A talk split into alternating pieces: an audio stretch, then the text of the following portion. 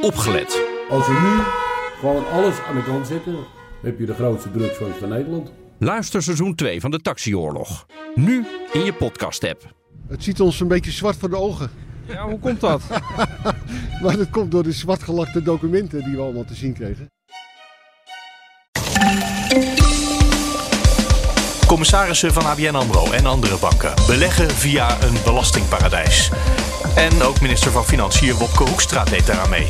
Zo een uitgebreid gesprek met de twee FD-journalisten die dat ontdekten in de Pandora Papers. Bedrijven hebben steeds meer moeite om zich te verzekeren tegen cyberaanvallen. En Nederlandse banken hebben moeite om geld uit te lenen. En dat kan ze tot 860 miljoen subsidie kosten die ze van de ECB kunnen krijgen. Dit is Nieuwsroom, de dagelijkse podcast van het Financiële Dagblad en BNR Nieuwsradio. Met het nieuws verteld door de journalisten zelf. Ik ben Mark Beekhuis en het is vandaag maandag 4 oktober. Hallo, Wesley Weert van BNR. Hallo Mark. We gaan het hebben over verzekeringen. Niks is zo spannend als verzekeringen. In dit geval voor cyberaanvallen, hacks, dat soort zaken. Nog extra spannend? Uh, die je niet meer kan krijgen. Of lastiger kan krijgen. Vooral lastiger. En dan is het nog een beetje afhankelijk van welk bedrijf je bent. Um, maar, jarenlang waren die verzekeraars bezig om iedereen maar binnen te hengelen. Van oh ja, neem ook vooral een verzekering. En ja, laten we wel wezen, dat kan soms ook wel handig zijn. Omdat natuurlijk het aantal cyberaanvallen ook toeneemt. En criminelen ook steeds geraffineerder te werk gaan. Alleen wat je ziet gebeuren is dat het lastiger wordt om zo'n verzekering af te sluiten. En als het je wel lukt om een verzekering af te sluiten, dan zijn ze een stuk duurder. En dan betaal je meer en dan krijg je minder. Oké, okay, dat is, uh, klinkt als een slechte deal. Ja, dat zou geen reclameslogan moeten zijn nu, voor een verzekering. Nog minder voor extra geld. Wat voor soort bedragen gaat het om? Ja, dat ja, flauw antwoord varieert heel erg afhankelijk Altijd. van wat voor bedrijfstype je bent. Kijk, als je bijvoorbeeld een IT-bedrijf bent of je zit in de zorg of je bent een gemeente, dan is het sowieso moeilijk om een verzekering te, te kunnen krijgen. Omdat er. Uh, de, de, nou, dat heeft Ziekenhuizen worden vaak uh, onder vuur genomen. Uh, nou, wat je ziet is. ik heb een aantal verzekeraars gesproken die zeggen. Ja, ziekenhuizen hebben lange tijd niet heel erg hoog. Uh, stond, stond het, het, het, uh, uh, je weren tegen cyberaanvallen niet heel, heel hoog op die agenda. Um, waardoor uiteindelijk die risico's groter zijn. Want als er wat gebeurt, nou, dan heeft dat meteen ook behoorlijke impact. Maar jarenlang stond dat dus ook niet heel hoog op die prioriteitenlijst. Nou, voor IT-bedrijven of bijvoorbeeld voor, voor bedrijven in de maakindustrie. Hè, bedrijven in de maakindustrie, als dat stilvalt.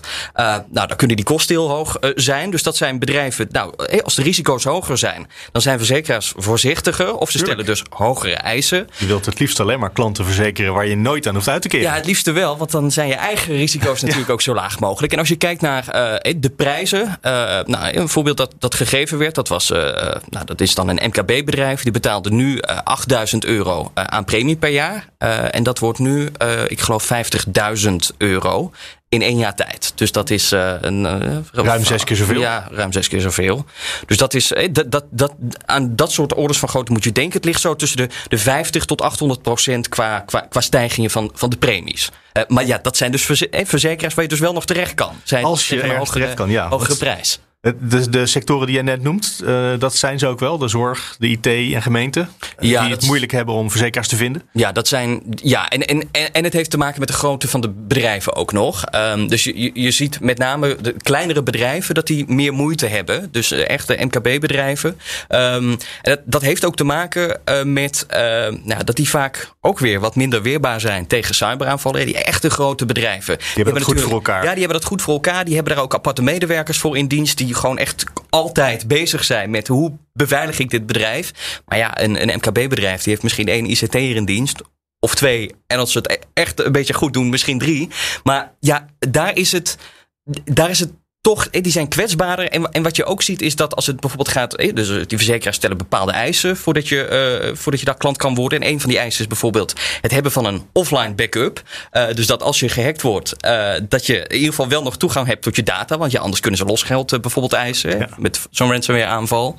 En je ziet toch, zo, zo zeggen die verzekeraars, maar ook een aantal cyber-experts die ik sprak, dat die kleinere bedrijven dat vaak niet doen. Die, zeggen, die denken van ja, die backups, weet je, als we nog tijd over hebben dan doen we dat wel. Maar dat is niet het allereerste dat ze doen. En terwijl die verzekeraars, die willen juist wel dat je dat doet. En doe je dat niet, dan kun je daar dus geen klant worden. Dus ja, het, het heeft dus niet alleen te maken met sectoren, maar ook de grootte van, van bedrijven. En hoe goed je dus die basisbeveiliging op orde hebt. Ik zou trouwens eerder nog dan een verzekering af te sluiten wel een backup maken offline. Dat zou ik ook doen. Ja, als, als die data iets wa- waard zijn. Als Ja. je er eh, Ja. voor jezelf, als je Ja. bedrijf ze nodig heeft, bijvoorbeeld de adressen van je klanten. Ja, nou zeker. Maar wat. En, maar wat je ook vaak ziet is dat er dan wel een backup gemaakt wordt. Maar ja, dat, daar wordt dan heel lang niet naar gekeken. En op het moment dat er dan echt een nood aan de man is en dan heb je eh, zo'n hack, dan blijken die backups niet eh, helemaal 100% te werken of heel oud te zijn. Dus je, je ziet wel dat bedrijven dat, dat op zich wel doen, maar dan niet ja, genoeg u- u- Maar- eh, updaten, verversen. Dus ja, het, is niet zo dat bedrijven dan denken: oh, laat ik eerst een verzekering afsluiten en dan pas allerlei maatregelen nemen. Ik denk dat dat, dat bedrijven wel gaat denken: we gaan die maatregelen eerst nemen. Maar het is dan niet voldoende voor die verzekeraars om die klant eh, in bestand op te nemen. ik begreep ook dat er sommige verzekeraars zijn die zeggen: Nou, we gaan alleen nog maar op één heel specifiek eh, sector, ons eh, Ja, dus specifiek kustsector, Ja. eh, ons focussen. Dus die, die sluiten daarmee sowieso al heel veel bedrijven uit. Ja, die, die kijken inderdaad. Nou ja, die, dat heeft dan onder meer ook weer met die risico's te maken. Van welke sectoren. eh eh, nou, daar zijn de risico's laag voor mij ook als verzekeraar. Het kan dus ook te maken hebben met, met de grote. Eh, nou, een van de verzekeraars die ik sprak, die zei: We richten ons voornamelijk op het hogere segment. Met andere woorden, dat zijn de duurdere verzekeringen voor de grotere bedrijven. Ja. Eh, dus die willen die, die MKB-bedrijven eigenlijk ja, niet hebben. En dat is ook, lange tijd waren die verzekeringen, die werden ook afgesloten door, door de grotere bedrijven. Maar de afgelopen jaren gingen steeds meer MKB-bedrijven dat ook doen. En daardoor zijn. ehm, Tegelijkertijd nam het aantal cyberaanvallen ook nog toe. Maar als je tegelijkertijd ook nog meer MKB-bedrijven hebt, die dus ook het slachtoffer worden van dat soort cyberaanvallen. Ja, dan neemt die kostenpost voor jouw verzekeraar zo erg toe dat, jij, dat je verdienmodel gewoon niet meer Ja. uitkomt. En daar lopen die verzekeraars nu tegen, tegenaan. Dus het was een soort van miscalculatie Ja, vooraf. dan zeg je eigenlijk in de afgelopen jaren waren die verzekeringen te goedkoop in plaats van dat ze nu heel veel duurder worden. Ja, ze worden feitelijk Ja, dus ze worden wel veel duurder. Alleen je kunt ook eh, zeggen dat die verzekeringen misschien de afgelopen jaren te, te goedkoop waren. Alleen het, het punt eh, en de zorg zit met name in dat er aan verschillende knoppen tegelijkertijd gedraaid wordt. Dus en de premie wordt verhoogd. En de dekking wordt uitgekleed. En dat kun je dan nog wel inderdaad beargumenteren met, ja, met het antwoord dat je net gaf. Van ja, waren ze niet veel te goedkoop?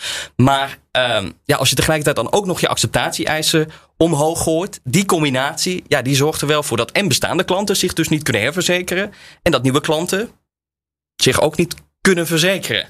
Eh, dus ja, die combinatie die is vooral problematisch. Wesley Weerts, dankjewel. Alsjeblieft.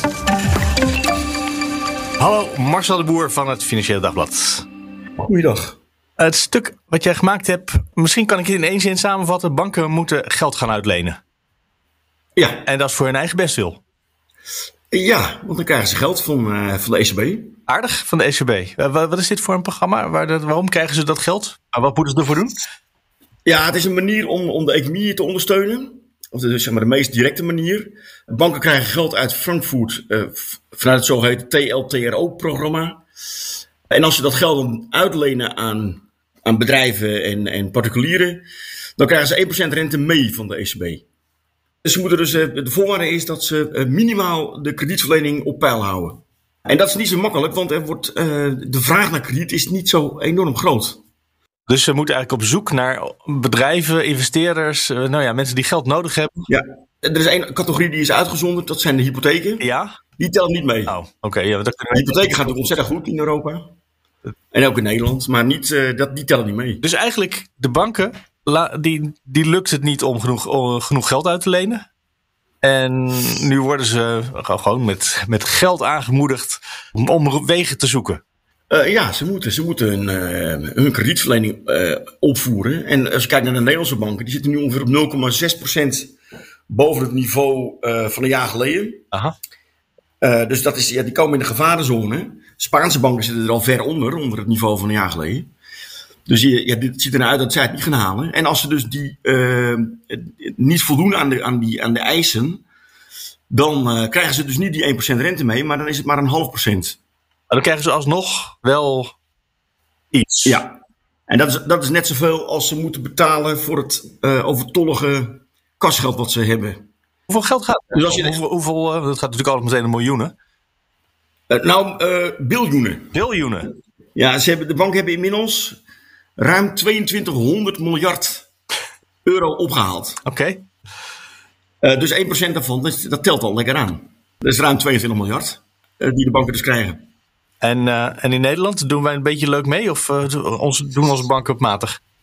Nou, wij doen aardig mee. Eh, de Nederlandse banken hebben krijgen, als ze voldoen aan de eisen, 1,7 miljard aan subsidie vanuit Frankfurt. Oké, en doen onze banken een beetje, want je zei net al 0,6% boven de norm die ze moeten halen. Is kiele kiele, hakken over de sloot? Of kan het nog Nou ja, misgaan? dat is een gemiddeld voor een Nederlandse bankwezen. hè. Dus ik bedoel, het kan best zijn dat bijvoorbeeld ING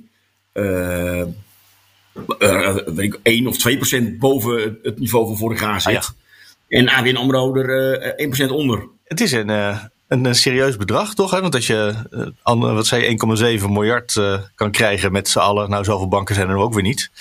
Als je de, de helft daarvan misschien niet krijgt, dat is 800 eh, miljoen ongeveer. Eh, ja, 860 miljoen. 860, daar ga je al. Ja. Dat is toch eh, dat is voor zo'n bank nog wel een getal waar ze harder voor gaan lopen, zou je denken. Eh, ja, nou, het gaat dus voor, om, om, eh, alle Nederlandse banken bij elkaar. Is, het, is dat het misschien? Is, het, eh, is de opbrengst eh, te laag? Dat, ze, dat, ze daarom de, dat het daarom misschien net, eh, net aan net niet wordt? wordt? Nee, nee, nee. nee. De, de, de- banken die willen het graag eh, eh, binnenharken. Eh, maar er is gewoon eh, een, een gebrek aan vraag eh, van bedrijven en, eh, en particulieren naar, naar geld, naar krediet. Dus het enige wat ze kunnen doen, eh, eh, de rente verlagen, eh, de voorwaarden eh, eh, eh, versoepelen.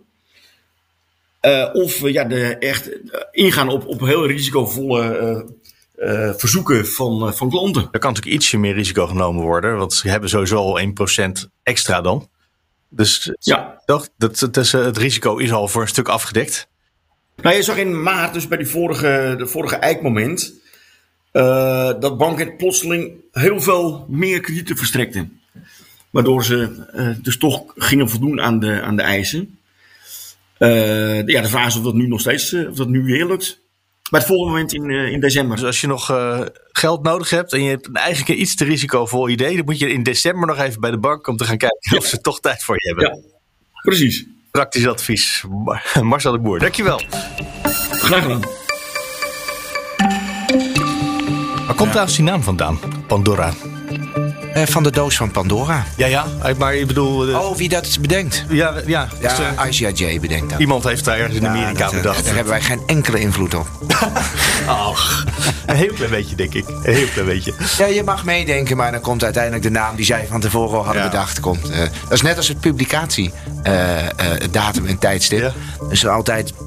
Voor coronatijd was het dan eh, we altijd zo'n eh, bijeenkomst. Mhm. eh, ergens eh, in een hoofdstad bij een groot medium. Eh, bij de Panama Papers was dat bijvoorbeeld bij de Süddeutsche Zeitung. En dan wordt er eh, plenair eh, bepaald wanneer ehm, er gepubliceerd gaat worden. Ja. Eh, maar dat is dan eigenlijk vaak altijd de datum die, waar Aisha J al mee kwam. Dus. En soms dan eh, stribbelen mensen wat tegen van er zijn er of bijzondere feestdagen, weet ik veel, eh, eh, speciaal Pasen in Rusland. Of verkiezingen in Duitsland in dit geval. Daarom dat ze hebben, daar zitten we daar net. overheen, daar zitten we net. Daar, daar wordt we echt wel rekening mee gehouden.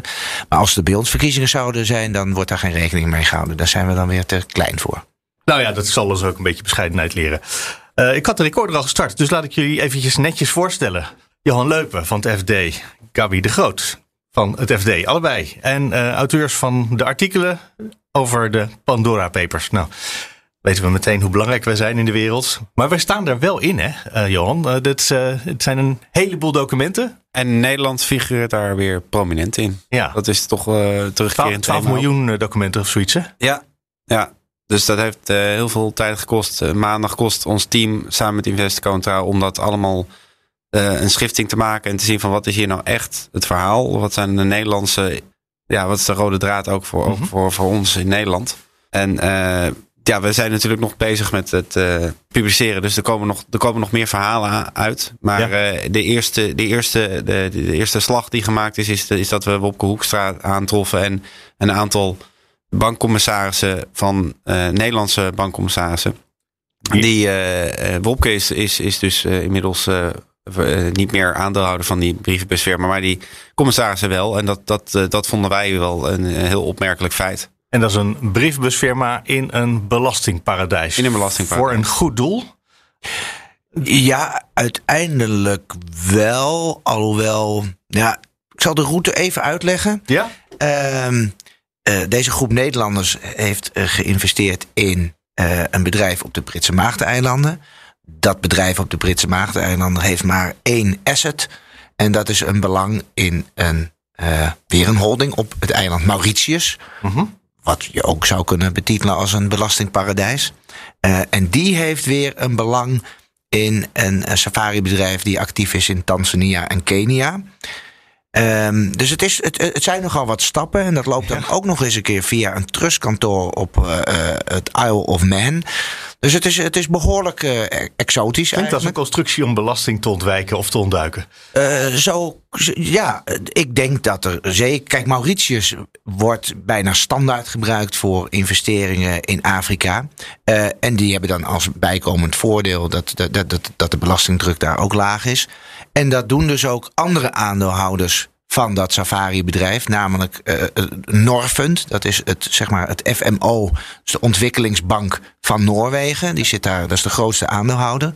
En er zit ook nog een, een specifiek Zuid-Afrikaans fonds zit erin, die ook eh, in duurzame ontwikkeling investeert.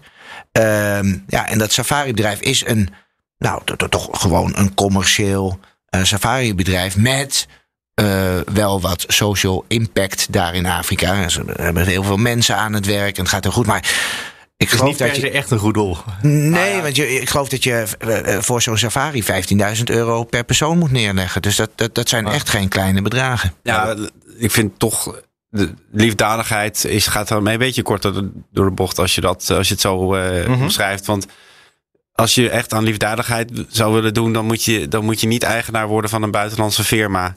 Eh, dan, dan moet je dat geld gewoon schenken aan een goed doel. Eh, dus ik- dat vind ik iets te makkelijk om dat zo eh, te betitelen. Ja, en Nou, sterker nog. eh, ik, ik zeg zo even waar, waar het vandaan komt. Het komt uit het antwoord van meneer Hoekstra op de beschuldigingen. Die zei, ja, uiteindelijk heb ik gewoon geld gegeven aan een goed doel. Nou, eh, de- de- de- uit zijn antwoord blijkt ook dat hij winst heeft gemaakt op zijn eh, investering. En dat hij. Ehm, En dat hij dat weggegeven heeft. al, ja, alleen de winst, de investering zelf, heeft hij. Heeft hij weer teruggekregen? heeft Ja. hij gewoon weer teruggekregen en weer behouden. Dus eh, eh, ik, ik, ik, Nee. ik snap hem niet helemaal. Nee, en dan hebben we dus eh, vooral nu meteen weer over Wopke Hoekstra, die ook in een bijzondere positie zit, minister van Financiën uiteindelijk. Heeft hij nou iets fout gedaan? Want iedereen, eh, als je alle nieuwssites in Nederland opent, die, hebben, die openen met het nieuws over Wopke Hoekstra en de verontwaardiging daarover. Heeft hij iets misgedaan? Het, het antwoord is genuanceerd, denk ik. Eh, hij heeft zeker onhandig eh, dingen gedaan. Mhm. Ehm, hij heeft geen wetten of regels overtreden. Dat wil nog niet zeggen dat hij het allemaal goed gedaan heeft of, of allemaal heel, heel handig gedaan heeft. Mhm. Ik denk dat eh, wij ook genuanceerd willen zijn daarover van. eh, kijk, die bankcommissarissen, om daar nog even op terug te komen, die zitten as we speak in de, die brie- Ja, brievenbusfirma. de banken, daar ga ik zo over. Eerst Daar ga- eventjes nou ja, eh, dat, vinden wij nog net even een ander Ja. verhaal dan een minister die voordat hij minister werd vlak daarvoor het, het verkocht heeft. Maar het blijft natuurlijk wel zo dat hij heeft een, een lastige positie op het moment dat hij dus toezicht houdt op eh, een, een president-commissaris van een staatsbank, waar hij ook mee in, in een bedrijf zat. Ja. Ehm, dus dat is al een onge- ongelukkige constellatie. Eh, dan, en er komt nog bij dat hij eigenlijk als minister belastingparadijzen moest gaan eh, oprollen namens Nederland. En dan drie dagen, nou drie, niet drie, een week daarvoor nog daar zelf gevestigd was in, in zo'n belastingparadijs. Dat, dat is natuurlijk, voor de beeldvorming is dat niet goed.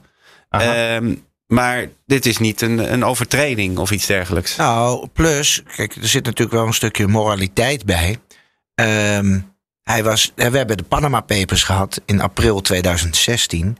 Nou, toen was toch wel duidelijk, als dat al niet duidelijk was daarvoor.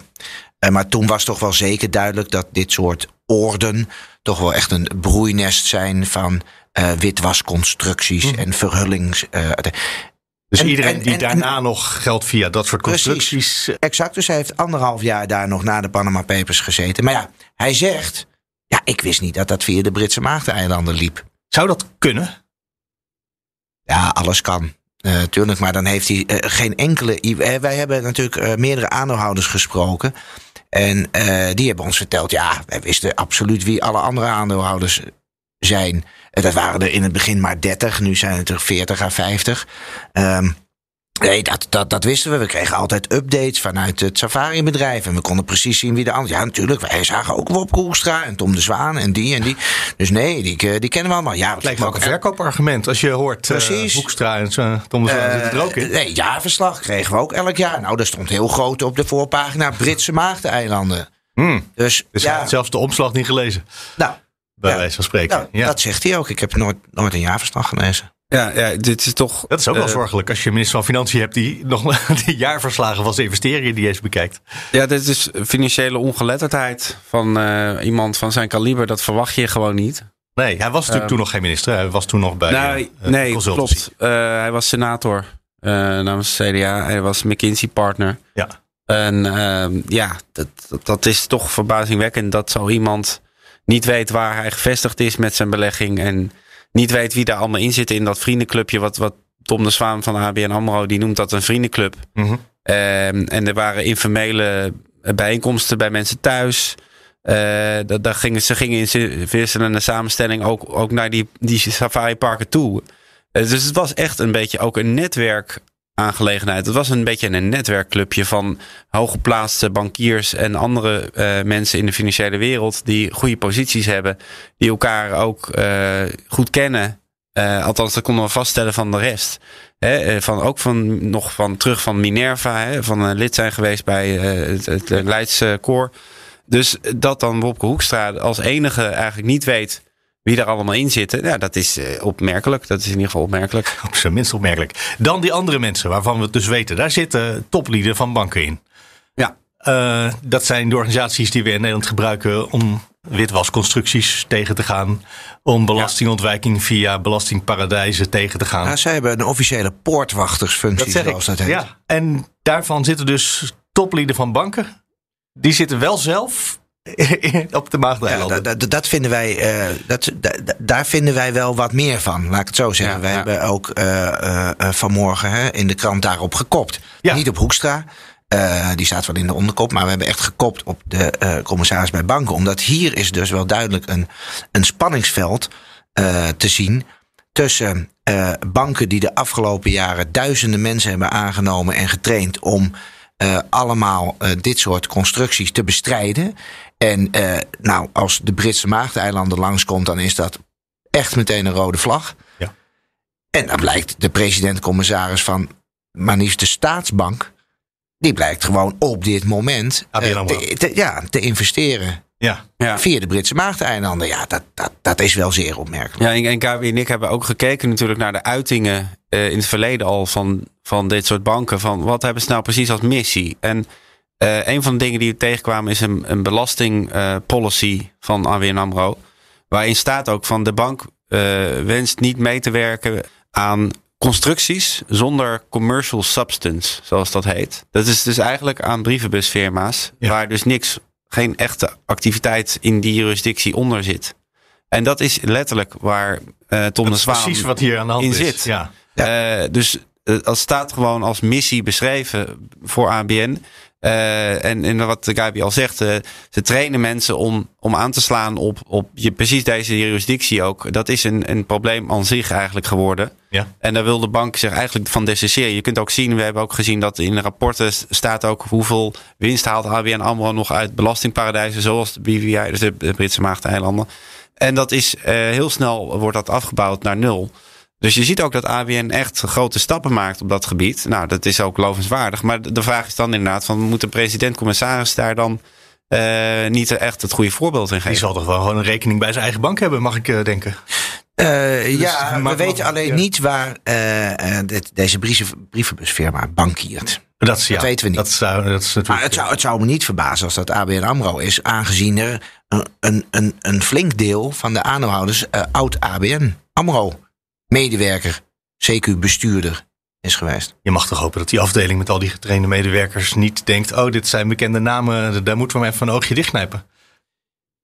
Ja, dat, Je zou het. dat weten we niet. Kijk, de, de, de reactie van ABN AMRO was eh, eh, heel kort. Eh, we gaan niet reageren, want dit is geen issue. Betekenisvolle stilte, dit. Ja. Ja. Het is serieus. Ze vinden niet dat er een issue is dat hun Nee, dus ze hebben op geen enkele vraag privé ons hebben ze eh. We- we- Oh, zelfs dat weet je niet. Zelfs dat weten we niet. Het was een een, eenregelend, eenregelig eh, eh, antwoord. Ja. Ja.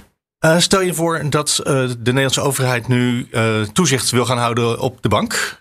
Komen we dan meteen bij op de Hoekstraat terecht? Is dat nu degene die zijn vrienden bij de, ja, uit het vriendenclubje tot de orde moet roepen? Ja, hij, heeft dus echt gezegd. eh, Ik wist niet dat Tom de Zwaan in die eh, belegging zat met mij. Mhm. Ehm, Maar goed, hij weet het nou, nu wel. Hij zal de krant vandaag vastgelezen hebben. Inmiddels, eh, ja, het, het creëert toch een onhandige eh, situatie dat je als minister toezicht houdt inderdaad op een president-commissaris van een staatsbank. Eh, en ook over zijn functioneren moet eh, gaan, Ja. eigenlijk. En, en je hebt daar een relatie eh, mee. Ja, nee, dat is natuurlijk altijd lastig en dat is niet altijd te voorkomen. Dat je, eh, als je iemand Nee, bent die iets kan, klopt. dan heb je vaak een netwerk. Ja, dat en is dan vroeger of later kom je natuurlijk toch elkaar tegen. Ja, en eh, dat, is ook, dat, is, dat maakt het ook een beetje. het genuanceerde is natuurlijk ook dat hij als senator zat hij dus in die belegging. Maar een senator heeft ook een, een maatschappelijke functie op allerlei manieren. Had hij toen ook niet in zijn portefeuille al eh, de belastingontwijking? Dat, dat had hij wel. Eh, althans, hij eh, zat bij de commissie Financiën en hij dacht mee over dit soort bestrijding van belastingparadijzen en di- dit soort thema's, dacht hij over mee. Hij voerde niet het woord op die thema's, maar hij heeft er zeker zich gemanifesteerd op financiën. Daarom is hij natuurlijk ook uiteindelijk op boven komen drijven als minister, potentiële kandidaat voor ministerschap financiën. Het is een ingewikkeld verhaal wat het geworden is, hè? alles bij elkaar. Want het is niet zo makkelijk om er meteen echt iets van te vinden. Om te denken, ieder, alles is fout of alles is... eh, Nee, het roept heel veel vragen op. ja. Ja, en wij, wij hebben ook niet uh, al die antwoorden meteen. Uh, uh, dat, nee, maar dat is ook wat, wat, wat andere aandeelhouders ook tegen ons zeiden. Van die ze hebben al, nou, wellicht ervoor, maar in ieder geval na de Panama Papers, hebben ze binnen hun club gezegd van, hé hey jongens, uh, we moeten daar eens weg. Want ja, weet je, uh, het heeft nogal wat risico's. Binnen die 30 Minimaal zijn er risico op reputatieschade ja. natuurlijk. Ja. binnen die 30 waren ja, er al een paar die zeiden we moeten dat op een andere manier organiseren. Ja, al jaren geleden. Precies. En die zeiden ook tegen ons van ja, want dat roept alleen maar vragen op. Ja. nou, dat is, dus, dat is gelukt. Dat is het oproepen van de vragen. En dit was natuurlijk pas het eerste artikel wat jullie gemaakt hebben. Want er zijn 12 miljoen documenten. Die gaan natuurlijk niet allemaal over Nederlanders. Nee, het gaat weer veel over Rusland. Niet zo heel gek misschien. Uh, nee, die komen altijd het meeste tegen. Ja. ja voor de, onze collega's in Rusland daar is dat wij overigens niet prettig werken. Uh, Volgens mij is er ook uh, twee weken of drie weken ervoor weer een inval geweest. Dat, is, dat is nog wel een ding, ja. We zijn nog steeds blij dat, dat, ze, dat, ja, dat ze eigenlijk nog in, in leven zijn. Want die, die, Serieus? Die, die, ja, Zo heftig? Dat is wel heftig, ja. ja. ja. ja. Er zijn natuurlijk nog een paar landen waar het, waar het misgaat. Amerika waarschijnlijk ook?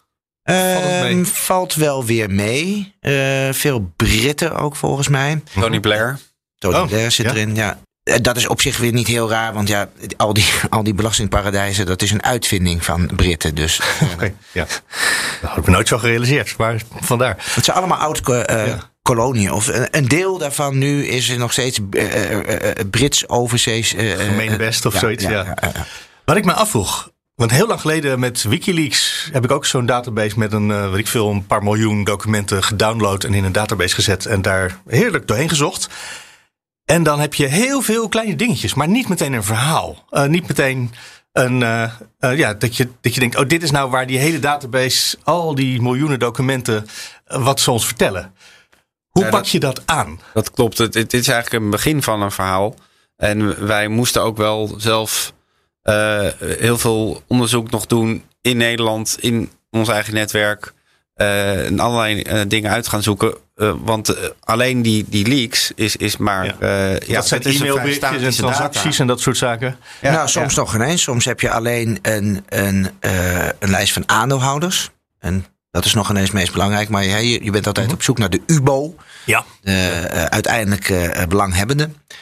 die, is, die, die, die is de economische eigenaar. En vaak ook de juridisch, maar meestal is dat gesplitst. Dat ja. maakt het ook zo ingewikkeld om erachter te komen wie er nou precies achter zit.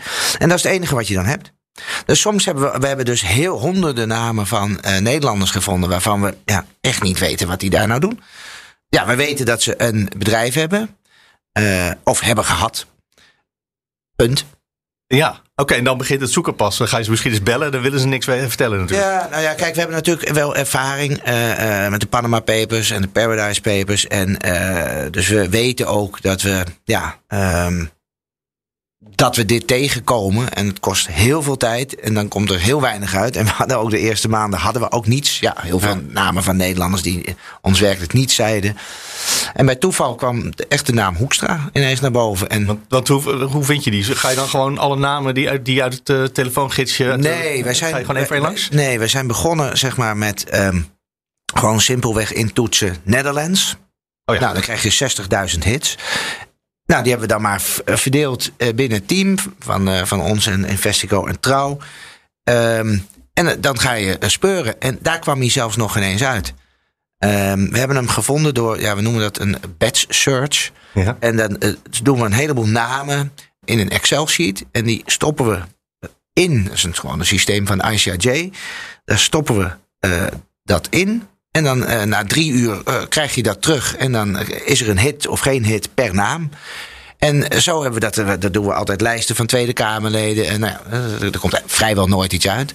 En, eh, Maar deze keer? ja, dit was geloof ik van de kandidatenlijst voor het CDA voor de afgelopen verkiezingen. Ja. En daar was het ineens ping. Ja, en verder, om nog een beetje een, wat ander, nog een beeld te geven van wat nog meer. Nou, we hebben een aantal hele vermogende families gevonden. We hebben een aantal ondernemers gevonden die eh, in faillissementen vers- verstrikt zijn geraakt in, in Nederland. En enorme schuldenlasten hebben achtergelaten, maar wel blijkbaar bezittingen dan hebben eh, over overseas. Ehm, en dat, dat, wat we dan ook doen, is dan benaderen bijvoorbeeld zo'n curator die daarmee bezig is met al die faillissementen. Zeggen, wist je dat, dat dat er ook nog is allemaal? Nou, nee. nee. Eh, dus je, je ziet gewoon dat er hele makkelijke manieren zijn om dingen te verstoppen. Ja. En dat eh, ondanks de, de enorme eh, ophef die, die de Panama Papers vijf jaar geleden hebben veroorzaakt. Ook met, met, met het werk van Gavi. dat, dat er is wel heel veel strengere regelgeving ontstaan. En ook in alle landen. Maar dat wil niet zeggen dat het nog steeds dat het niet makkelijk is om dat nog steeds te doen vandaag de dag. En eh, dat er ook heel veel vraag steeds. is. Ja, er is nog steeds veel vraag De naar. vraag is eigenlijk onveranderd eh, hoog, zeg maar. Dat hebben we een beetje kunnen constateren. Ja, want een deel van die Nederlanders die we hebben gevonden, hebben hun eh, brievenbusfirma pas opgericht na 2016. Toen ze het toch beter hadden moeten weten. Of Ja. toen, toen ze beter wisten. En maar absoluut, besloten dat absoluut. dit toch verstandig was voor hun situatie. Maar ja, kennelijk. ze willen nog steeds zo min mogelijk belasting betalen. Dat eh, is niet veranderd in die tijd. En Nee. eh, dat is toch, dat drijft die vraag naar al deze producten, naar deze constructies. Eh, dus dat, dat, eh, en je kunt daar hele, heel veel regelgeving en wetten op loslaten. Maar wij zien dat er altijd, het lekt gewoon weg naar, naar allerlei wat meer ondergrondse, eh, onder de radar structuren. En, en, en het blijft gewoon natuurlijk gebeuren. Ja, we zien bijvoorbeeld ook Nederlanders die dan hè, bij Mossack Fonseca zaten, van, van, bij de, van de Panama Papers. En die nemen dan een boeltje mee en dan gaan ze naar Belize. Ander land. Ander land. Ja. Nou, en dat, dat is dan een adres ergens in de bergen bij een hotel rechtsaf. En eh, ja, dan denk je van ja, dit is, dit is weer toch een, een, weer een stukje Lijkt extra er weer op. verhullen. Ja, Ja. absoluut. Jullie noemen tot nu toe bij die laatste dingen allemaal nog geen naam. Maar zijn dat artikelen die nog in de pijplijn zitten? Ja, Dus dan ga ik er ook niet op doorvragen. Want dan geef je je scoop van volgende week al weg. precies. Ja. Inderdaad. Je ziet er een, beetje, een klein beetje vermoeid uit. Zou dat kunnen? Was het Nou, het is, het, je werkt altijd naar een soort, naar, ja, naar een soort, eh, het is een soort pressure cooker hè, waar Ja. je dan in, eh, in komt. En ehm, het is ook aan de ene kant heel leuk, maar het is, het is, ja, het is ook wel vermoeiend. Want het is allemaal ruim van tevoren afgesproken eh, met ICIJ van wa- wanneer het publicatiemoment is, wanneer ja, ja. je kan ook niet meer nog even twee dagen wachten. Nee, als wanneer dat je wederhoor mag doen, dat is allemaal, allemaal vastgelegd. Is van, daar, hebben- daar tekenen we ook echt voor. Ja. ja, want dat viel me op. Er zitten iets van 600 journalisten in het project. Dus dat betekent dat er toch ook nog minstens, eh, weet ik veel, 100 hoofdredacteuren op de hoogte zijn waarschijnlijk. En nog wat andere chefs. Ja. Dus er zijn misschien wel duizend mensen die weten dat dit speelt. Ja. En er lekt nooit iets uit. Nee, deze keer weer niet. Oh, dat is waar, ja. Tot nu toe lekte er nooit iets uit. Maar dat is wel bijzonder, toch? Nou, zeker omdat je dus met steeds meer mensen uh, blijkbaar uh, werkt. Ehm, maar goed, je zit wel, elk land zit zeg maar op, op zijn eigen verhalen. Het zijn toch wel vaak echt, echt nationale verhalen. Af en toe is het wel grensoverstijgend hoor. Maar meestal is het ja, en dan zijn er natuurlijk wel een stuk minder die dat specifieke verhaal ja. weten. Ja, want natuurlijk wat er met Wopke Hoekstra gebeurt, dat zullen ze in Duitsland al niet zo heel erg interessant vinden. Nou ja, in België waren ze bijvoorbeeld wel weer heel erg geïnteresseerd. Oké, ja. dan nemen ze misschien ook het artikel over. Nou, eh, niet alleen in Hoekstra, maar er zaten ook in dat clubje een paar Belgen. Ach, allicht. Uiteraard. Wordt vervolgd. Zeker. Dank voor jullie verhaal voor nu. En uh, de volgende keer gaan we er vast weer over praten. Gabi de Groot, Johan Leupen. Dankjewel. En dat was hem voor vandaag. Een lekker lange aflevering van Nieuwsroom. En ik denk zomaar dat we later in deze week nog een keer van Johan en Gabi gaan horen. Je kan altijd reageren. Mail naar nieuwsroom.bnr.nl of nieuwsroom.fd.nl. Zoals bijvoorbeeld Erik deed, die ons erop wees dat we Blackstone en BlackRock door elkaar gehaald hadden. En dat klopt inderdaad. We zeiden dat BlackRock panden in Nederland had gekocht, maar dat moest Blackstone zijn. Waarvan akte. Dankjewel, houd ons scherp met je mailtjes. Nieuwsroom.bnr.nl of nieuwsroom.fd.nl. Dan zijn we er morgen weer. Graag tot dan.